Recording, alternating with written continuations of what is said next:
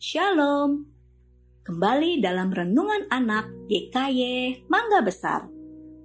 Menjadi saluran berkat. Kejadian 20 ayat 1 sampai 18. Teman-teman, apakah kalian pernah mendengar sebuah lagu rohani yang berjudul Jadikan Aku Saluran Berkat? Kalian yang pernah mendengarnya tentu tahu bagian ref lagu ini berbunyi demikian. Jadikan aku saluran berkat dan pemancar kasih Kristus. Dengar doaku dan jadikanku saluran berkat bagi umatnya. Teman-teman, sebagai seorang anak Tuhan, kita tentu ingin hidup kita bisa menjadi saluran berkat bagi orang-orang di sekitar kita. Namun pertanyaannya, bagaimana agar kita bisa menjadi berkat bagi orang-orang di sekitar kita? Teman-teman, Allah pernah berjanji kepada Abraham bahwa ia akan menjadi saluran berkat bagi segala bangsa. Akan tetapi, firman Tuhan yang kita baca hari ini justru menunjukkan bahwa Abraham hampir saja gagal menjadi saluran berkat bagi orang lain. Abraham hampir saja membawa petaka atau masalah bagi sebuah bangsa. Hal ini terjadi ketika Abraham tinggal di Gerar, daerah Filistin.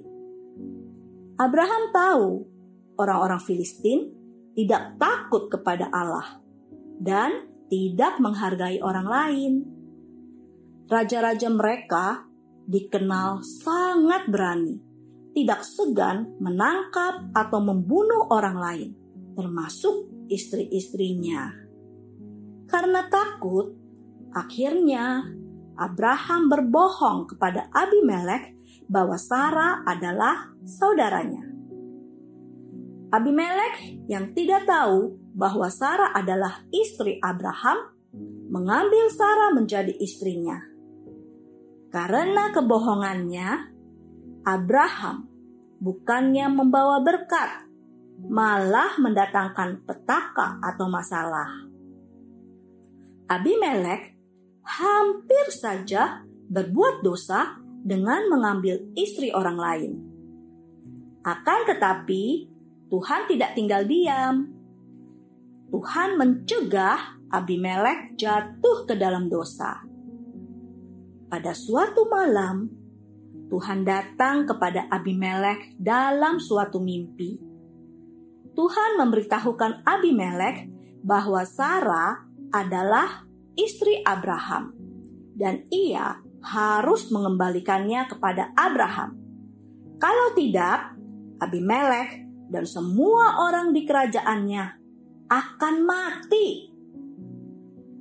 Keesokan paginya, Abimelek memberitahukan mimpinya kepada semua orang di kerajaannya dan segera mengembalikan Sarah kepada Abraham. Bahkan Abimelek memberikan kambing domba dan lembu sapi, budak-budaknya kepada Abraham. Bahkan menyambut Abraham di negerinya. Setelah itu, Abraham berdoa bagi Abimelek agar Allah memberkati Abimelek. Abimelek pun diberkati oleh Allah. Abimelek dan istrinya dan budak-budaknya perempuan yang mandul akhirnya bisa melahirkan anak. Teman-teman, dari kisah Abraham ini ada dua hal yang bisa kita pelajari. Pertama, untuk menjadi saluran berkat bagi orang-orang di sekitar kita, berarti kita perlu hidup benar di mata Tuhan. Kita harus menjauhi dosa, meninggalkan kebiasaan hidup kita yang buruk. Kita belajar melakukan apa yang menyenangkan hati Tuhan, belajar berkata jujur, hidup kudus di hadapan Tuhan, belajar untuk tidak berkata kasar kepada orang lain, menolong orang yang kesulitan atau membutuhkan bantuan kita, belajar berbagi dengan orang lain, dan lain-lain. Kedua, kita hanya bisa menjadi saluran berkat melalui campur tangan Tuhan. Karena kalau bukan Tuhan, Abimelek tentu akan jatuh dalam dosa dan Abraham tidak mungkin bisa berdoa dan menjadi berkat bagi Abimelek. Sama halnya juga dengan kita, teman-teman.